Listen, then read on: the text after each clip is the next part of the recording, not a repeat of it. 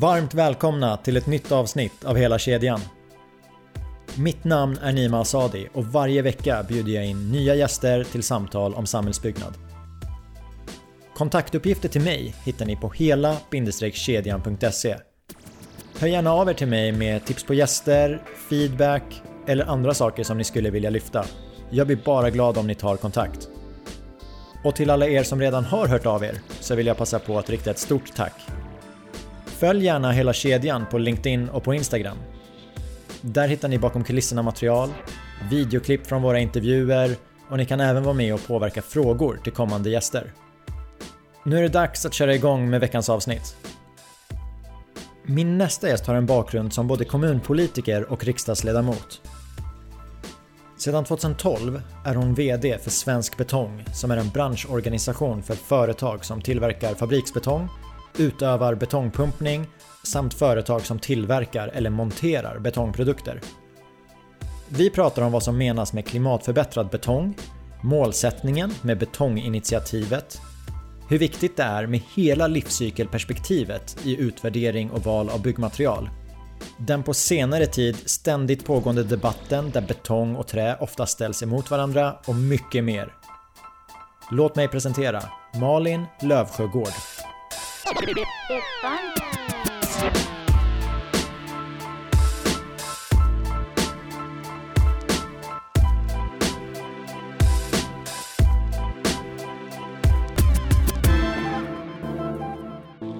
Varmt välkommen till podden Malin. Tack. I introt så har våra lyssnare fått höra att du har en bakgrund som kommunpolitiker och att du har suttit i riksdagen. Men inte vad du har för koppling till betong. Så den får du väldigt gärna berätta mer om. Ja, min bakgrund är faktiskt inom betong. Som industridoktorand och forskare på Cement och betonginstitutet för ett antal år sedan. Eh, där jag forskade på betongbeläggningar och betongvägar. Och vad eh, var forskningen inriktad på mer specifikt? Jag tittade på egenskaper hos betongvägar och framförallt eh, liksom egenskaperna på ytan, hur man kan optimera dem och vad händer om man ändrar en parameter, till exempel styr mot att man vill ha bättre friktion, vad händer med bullret? Så att det var framförallt det jag tittade på och en del lite andra frågor kopplat till det. Och vad kom du fram till i din avhandling? Nej, men dels en eh, teoretisk optimeringsmodell som kopplar ihop de olika egenskaperna med varandra men också att lyfta fram det här med att betong är ett bra beläggningsmaterial för vägar. Särskilt då vägar med mycket trafik, tung trafik och hög trafikintensitet. Men det är väl ganska ovanligt i Sverige? Vägar för mig, de, de har ju en ytbeläggning av asfalt. Ja, det stämmer. Eh, det är det vanliga beläggningsmaterialet här i Sverige. Men det finns ju en potential för betongen på just högtrafikerade vägar. Och det finns ju några vägsträckor som har betongbeläggning och nu väntar vi på Förbifart Stockholm att det ska bli betongbeläggning i tunneln. Jag har ju jobbat en del med betong i min vardag, framförallt när jag var arbetsledare ute i husproduktion. Men för de lyssnare som ser betong som en grå massa, kan du inte beskriva vad är betong? Ja, men betong består av eh, ballast och det är ju grus och sten. Man behöver ett bindemedel och eh, då är det framförallt cement som används men också idag för att sänka klimatpåverkan så finns det alternativa bindemedel som flygaska och slagg och sen behöver man vatten och sen brukar det vara lite tillsatsmedel eller tillsatsmaterial och det är för att ge betongen dess unika egenskaper. Och eh, då kan man säga att ja, betong är ett naturligt material och det är oorganiskt. Och det här blandas ihop på en fabrik och då är det flytande men sen efter ett tag så härdar det. Hur går den processen till? Jo men så är det, man blandar ju betongen på sin betongfabrik och eh, sen så brukar vi skilja på platsgjuten betong som man gjuter på plats ute på bygget och eh, då är den ju fortfarande flytande. Eh, men sen härdar den ju för att, ja man kan, kan säga på ett enkelt sätt att den stelnar och så blir det den här hårda betongväggen eller betongplattan som man ska.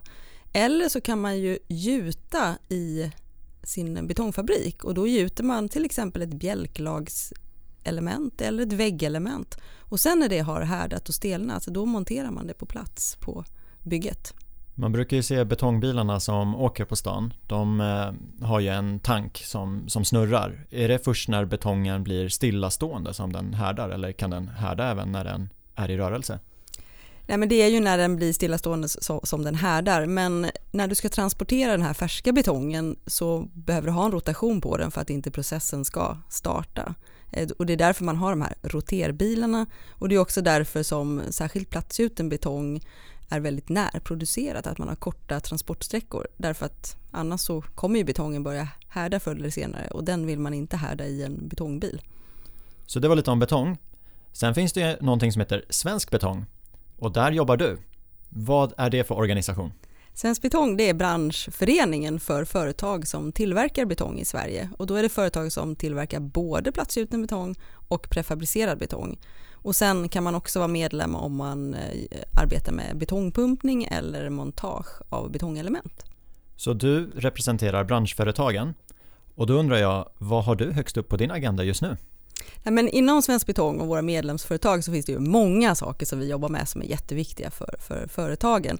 Men allra högst upp så är ju hållbarhet och klimatarbetet som pågår i branschen. Och då är ju vår färdplan som vi har tagit fram för klimatneutral betong väldigt högt på agendan. Sen blir det en rad olika åtgärder och aktiviteter i den. En del får ju medlemsföretagen jobba med själv, att till exempel utveckla sin betong. Men sen kan ju vi jobba med olika sätt, eh, påverka politiker med beslut, att vi jobbar med eh, olika eh, branschöverskridande frågeställningar som standarder och regelverk. Och, ja, men det finns ganska mycket som, som vi jobbar med som vi har fokus på. Det är återvinningsfrågor, eh, ja, ta fram eh, informationsmaterial och vägledningar för att kunna få ut eh, betong med lägre klimatpåverkan på marknaden. I min research så snappade jag upp ett citat, jag tänker att jag läser upp det. Stora satsningar på infrastruktur finns kommande år och det finns möjlighet att kraftigt minska klimatpåverkan från den betong som kommer användas till projekten. Hur då? Jo men det stämmer. Det är ju så att i, redan idag så kan man optimera sin betong och eh, minska klimatpåverkan. Eh, och det kan man eh, göra egentligen för alla betongkonstruktioner och mycket fokus är husbyggnad men infrastruktur eh, där vi har stora satsningar som pågår och på gång där det också används väldigt mycket betong. Där finns ju en stor möjlighet att göra det genom att man använder de nya cementen som har kommit fram med lägre klimatpåverkan, att man ser till att optimera sin betong till den konstruktionen man ska. ha. Alltså rätt betong på rätt plats. Att man ser till att utnyttja de möjligheter som finns i krav och standarder.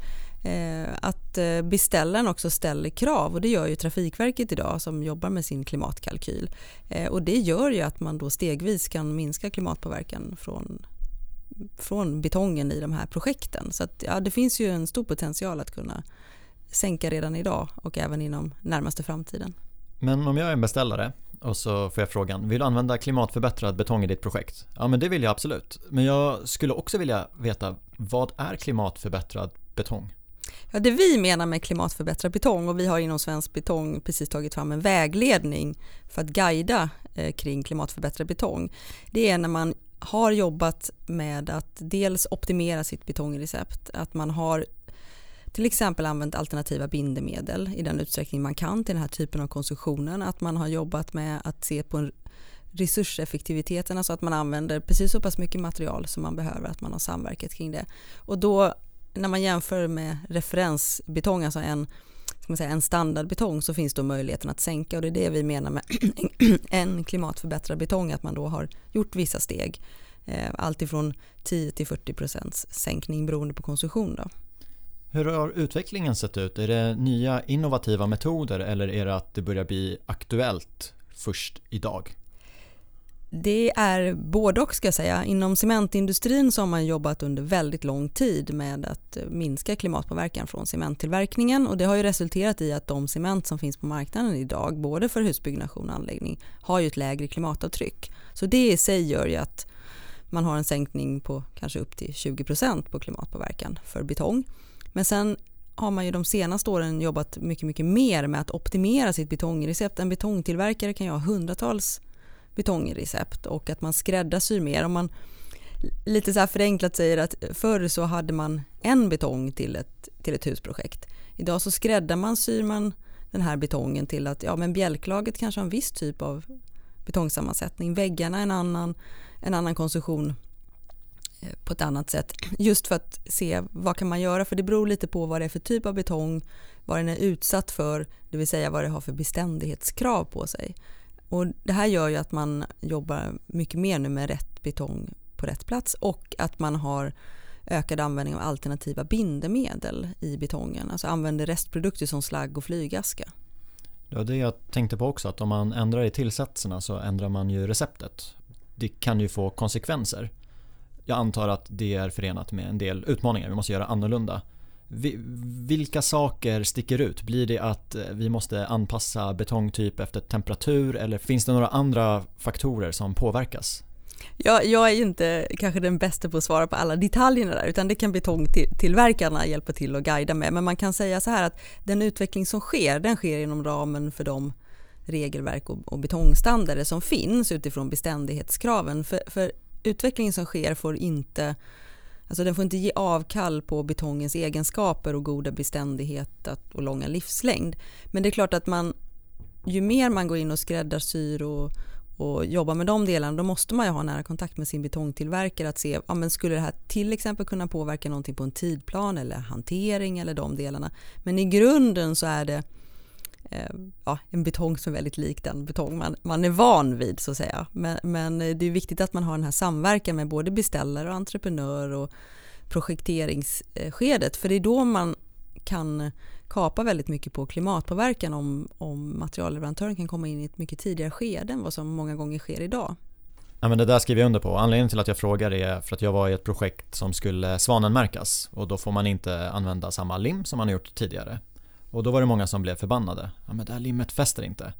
Jo, det gör det, men vi kan inte limma när det är minus 20.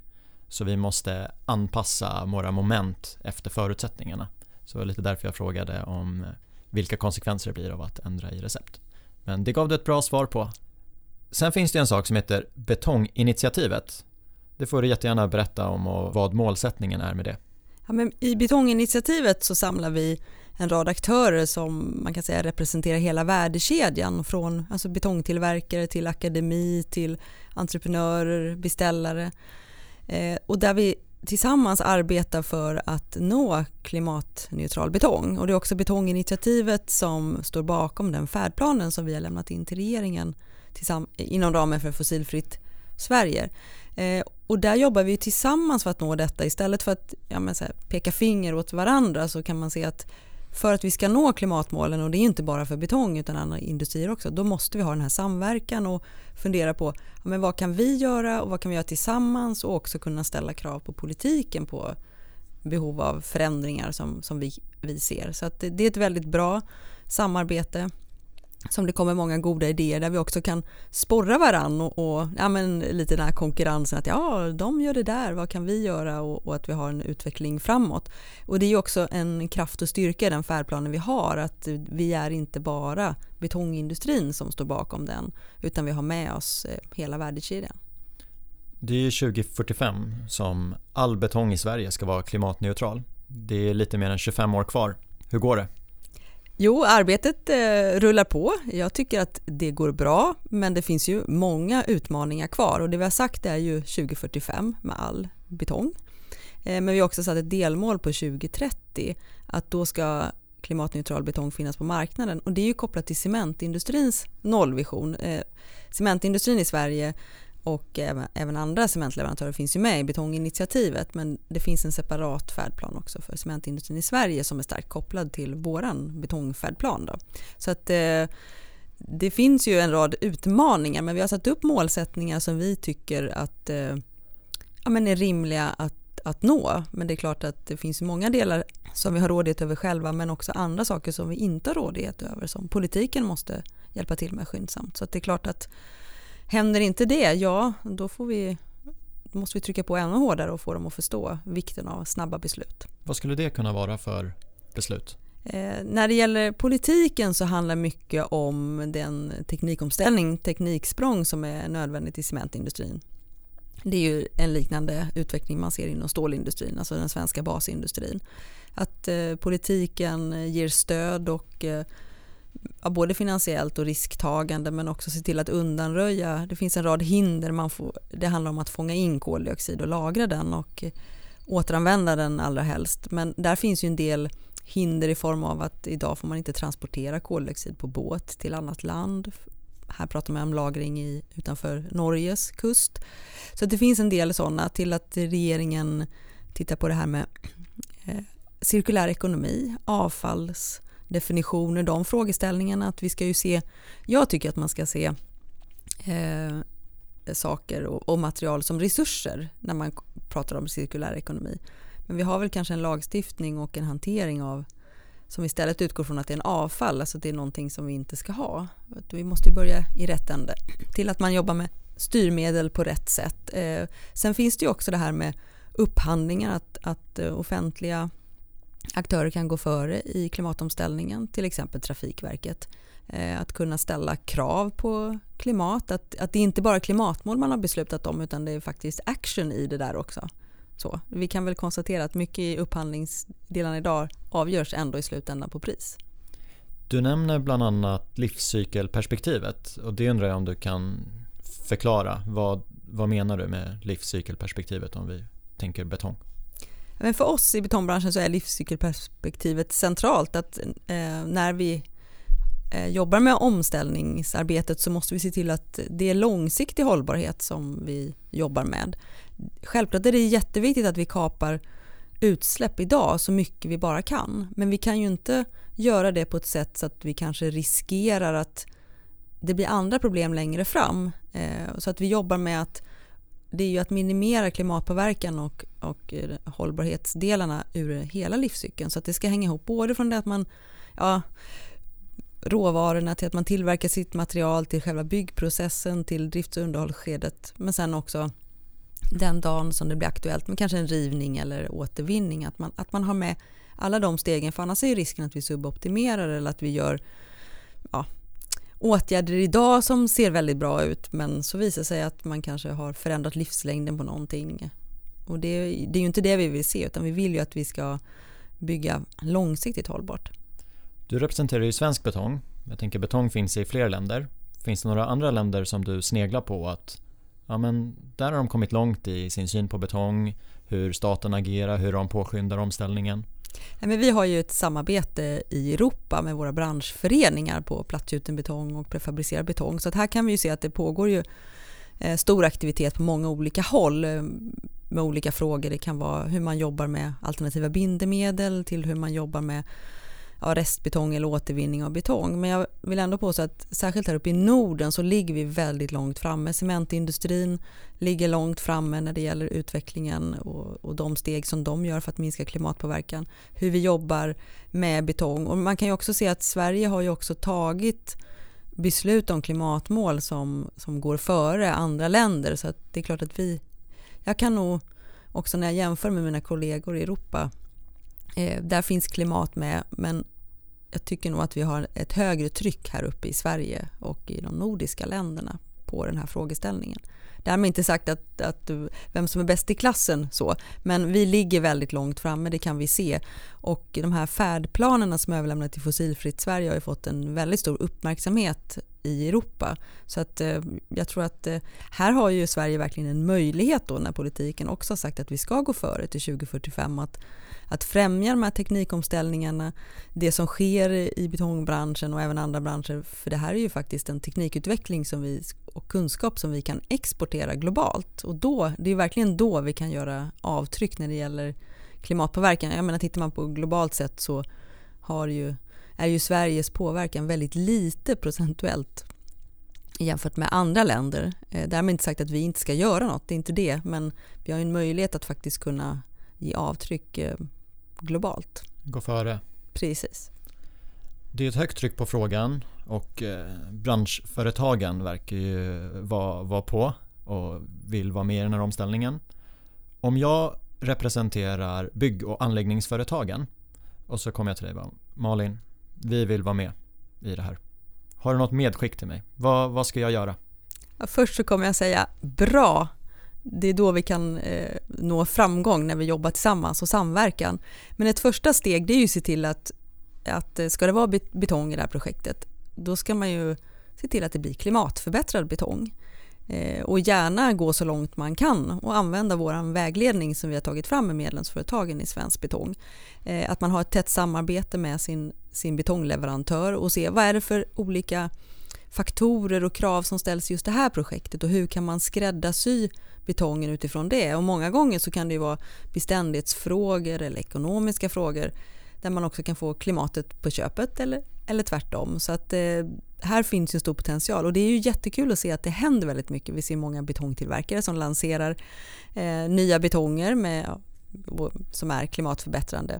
Eh, men också att eh, man som beställare är en att man är en duktig beställare, förstår hur man ska ställa krav och hur det kan leda framåt. Och där tänkte jag faktiskt lyfta fram Riksbyggen som har jobbat med sitt projekt Viva i Göteborg.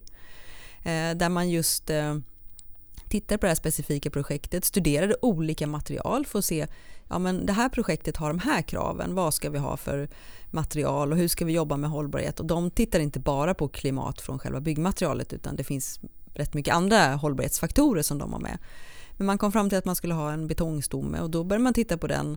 Hur kan Riksbyggen ställa krav? Jo, man kunde ställa krav på vilket cement man skulle ha, hur mycket cement, använda alternativa bindemedel. Sen tog man med det i upphandlingen så att eh, de betongleverantörer som skulle lämna anbud kunde inte frångå de här kraven. Och nu har man, har man byggt huset och nu följer man upp det och det är ju ett sätt att, att styra och ställa krav och där minskade man ju någonstans ja, runt 30 procent i klimatpåverkan från betongkonsumtionen i det huset genom att vara en aktiv beställare. Det är ganska intressant för jag läste om det projektet och samma dag som jag läste om vad de hade gjort och sänkt klimatpåverkan och kommit fram till att nej betong, det var det bästa valet i det här projektet. Så fanns det en till artikel att nej, vi måste sluta bygga i betong. Det, jorden har inte råd med det. Så det verkar vara lite olika hur man räknar på saker och ting. Så det kanske också är någonting att vi räknar på samma sätt framåt. Jo men det är jätteviktigt. Vi, vi driver ju på att det ska vara livscykelanalyser så, som man baserar eh, sina beräkningar på. Och det är också så att i den här debatten eller ja, samtalstonen som finns så, så, kan man ju också föra fram att vi måste ha vetenskapliga fakta bakom både vad vi gör och vad vi säger. Och då är det ju så att det finns en, en rad studier som är utförda på olika material och påverkan. Eh, men tittar man på de studierna så, så säger ju också veten, de vetenskapliga fakta att det går inte att dra några generella slutsatser och säga att just det här materialet eller just den här byggmetoden, om, om man bara använder det, då bygger man klimatsmartast. Utan det är faktiskt det, det specifika projektets förutsättningar och krav som, som eh, ger möjligheterna och det är då man ska titta på. Så att, ja, det handlar ju om rätt material på rätt plats. Så har vi betong så ska vi ha rätt betong på rätt plats. Det är ju så vi bygger långsiktigt hållbart. Efter att ha hört det svaret så tänker jag att min nästa fråga blir lite konstig eftersom att det beror på vart byggprojektet ligger i landet. Men jag tänkte att om jag har en betongvägg i mitt projekt hur klimatpåverkan är utspridd. Liksom hur stor del är tillverkning, hur stor del är transport. Antingen så får du säga för den väggen eller om du har några generella genomsnittssiffror så att jag får ett hum om ungefär hur det ser ut. Nej, men jag får ofta frågan om klimatpåverkan från betong och klimatdata. Då kan man säga att det finns ju väldigt många olika betongrecept och betongtyper. Eh, så att man måste se på den specifika delen. Men om man tittar generellt på betong så är det så att 90% ungefär av klimatpåverkan den eh, kommer från cementet, cementtillverkningen i, i vilken betong som helst som du har. Eh, sen har du transporter. Eh, de är runt 5% Ibland lite högre om det är prefab för de kan ju åka lite längre sträckor. Och sen har du själva tillverkning, alltså själva på betongstationen eller betongfabriken. Och det är ett par procent. Och sen har du någon, ett par procent som är övriga råvaror som ballast och så. Så det är ju cementet som, som har den stora påverkan på betongen. Och det är just därför som, som det här tekniksprånget är så viktigt i cement industrin, Men också att man idag på kort sikt jobbar med alternativa bindemedel. För det är ju att här och nu kapa utsläppen direkt. Sen så kommer det ju allt mer eh, klimatdata för olika typer av betong, eh, alltså så kallade EPDer. Vi har tagit fram sex stycken generella som, som finns certifierade hos EPD Norge och nu när det ställs mer och mer krav i miljöcertifieringssystem och Trafikverket sina upphandlingar och vi har kommande klimatdeklarationskrav från Boverket så tar ju betongtillverkarna fram fler och fler EPD. Så då kan man få ett mer svar att ja, men om, om jag jobbar med den här typen av betong för den här väggen och jag har klimatförbättrat den, då kan man ju också få ut ett mer exakt svar på exakt klimatpåverkan. Men generellt för betongen så gäller det att det 90% kommer från cementtillverkningen. Och då är det bra att eh, samarbetet mellan er och cementföretagen i alla fall finns där. Ja, men det är ju en förutsättning. Eh, så. Och jag brukar få frågan ofta att ja, men vi kan väl använda alternativa bindemedel bara och inte cement. Men om man ser till den mängd betong som vi använder i Sverige och globalt sett så kan man se att, att kalksten och cement det är ju en, kommer ju vara en väldigt viktig råvara i betongen även framöver. Men det kommer ju komma nya typer av bindemedel och man kommer blanda alternativa bindemedel och så. Men det, det är därför det är viktigt att man jobbar med cementindustrins utsläpp och att man skyndsamt får till förutsättningarna för tekniksprång med koldioxidinfångning och lagring. Om vi kopplar tillbaka till politiken så i regeringsförklaringen från i januari i 2019 där nämns ju trä specifikt. Att det är trä som är en av åtgärderna för att Sverige ska bli världens eh, första fossilfria världsfärdsland. Vad tyckte du när du hörde det? Att trä pekades ut specifikt? Nej, men politiker ska inte styra byggmaterial. De ska sätta förutsättningarna, sätta målen, eh, peka ut en riktning, ta fram klimatkrav ur livscykelperspektiv, jobba med hållbarhetsdelar. Men de ska inte styra eh, byggmaterial. För det är ju faktiskt så, som jag sa innan, att eh, vetenskapen pekar inte ut ett specifikt material eller en specifik byggmetod. Att det generellt ger lägst klimatpåverkan. Så att det motsätter vi oss starkt. Vi tycker också att det är en viktig konkurrensfråga. Det slår sönder konkurrensen för det, vi ska ha fri konkurrens. Eh, alla byggmaterial ska tävla på samma regler. Vi har funktionskrav i byggreglerna. Det gör att alla material kan vara med. Så länge man uppfyller funktionskraven där så får man bygga med dem. Eh, och då kan vi inte ha politiker så, som står och, och detaljstyr på det här sättet. För det kan ju också vara så att det blir kontraproduktivt, att det inte alls i slutändan styr och ger den bästa lösningen. Jag har ju försökt hänga med i den här debatten de senaste åren. För trä ställs ju oftast mot betong. de ska inte samverka utan det är antingen det ena e- eller det andra. Vad tycker du om att det har blivit så? Det är jättetråkigt att det finns en sån debatt och att det finns många som, som vill ha en sån debatt. Eh, jag brukar vara tydlig med att jag inte alls tycker att det är för någon utveckling framåt. Eh, vi har behov av många byggmaterial om vi ska klara av att bygga de bostäder som behövs och infrastruktur. Eh, det är också så om man tittar på en konstruktion eller ett hus så är det ju väldigt sällan ett enda material i den byggnaden. Så att det är en väldig generalisering eller okunskap kan man säga. Eh, man gör det väldigt lätt för sig och tror att det finns en quick fix som inte fix, finns. Eh, men det som också gör mig väldigt bekymrad i det här det är att man ja, uttrycker sig som att eh, trä och betong de är rakt utbytbara mot varandra och det är de inte. Eh, de har sina egenskaper och de uppfyller byggkraven på olika sätt så det går inte rakt av bara byta ta bort en betongvägg och sätta in en, en trävägg. Utan det är olika konstruktionssystem, materialen hanterar till exempel brandkrav på olika sätt, hur man uppnår god akustik i en byggnad. Alltså det, det är olika typer av material så det är väldigt mycket att man jämför äpplen och päron och det leder ju absolut inte fram till hållbart byggande utan det är snarare så att man ska ge förutsättningar för alla material att utvecklas och minska klimatpåverkan, öka hållbarheten och att det ska vara fri konkurrens och att vi har funktionskrav i byggreglerna. Och med det sagt, hur nyanserad tycker du att debatten är? Nej, men den är ju onyanserad tycker jag. Eh, jag kan väl lite tycka att den kanske har bättrat sig lite grann eh, och det har nog mycket fokus med att det är en väldigt stor aktivitet och och eh, påverkan i hela samhället idag kring klimatpåverkan och hållbarhet. Men också att vi har de här färdplanerna som verkligen pekar ut riktningen. Eh, och det har ju vi jobbat med i betongindustrin under många år, att, att vara tydligare med hur ser det ut på klimatdelen när det gäller betong? Vad är det som påverkar? Vad jobbar vi med för att minska och vad har vi för målsättning med det arbetet vi gör så att man ser att man har en stark konkurrensdel i den. Så att där skulle jag ju snarare önska att debatten handlade om att hur kan alla material utvecklas? För ibland så låter det i debatten som att så länge du bara bygger det här huset med trä, då finns det inga utsläpp. Men det är faktiskt inte sant. Det är bara att titta på de livscykelanalyser som finns. Det finns ju en rad andra komponenter i den här byggnaden som påverkar och du har träet och du, trä behöver brandskydd, man behöver plastfolie. Alltså det är därför vi förespråkar livscykelanalyser, för det är då du får med hela den här byggnadens påverkan. Och det är först då du vet faktiskt vad du gör för ett val. Och att man tittar på hur lång tid ska den här stå. Ska den stå 50 år eller 75 eller 100 år? Och så gör man det bästa valet därifrån. Eh, det handlar inte om att utse en vinnare för att alla materialen behövs. Det var ett bra medskick till den framtida debatten. Tack för att du gästade podden Malin. Tack så mycket för att jag fick vara med.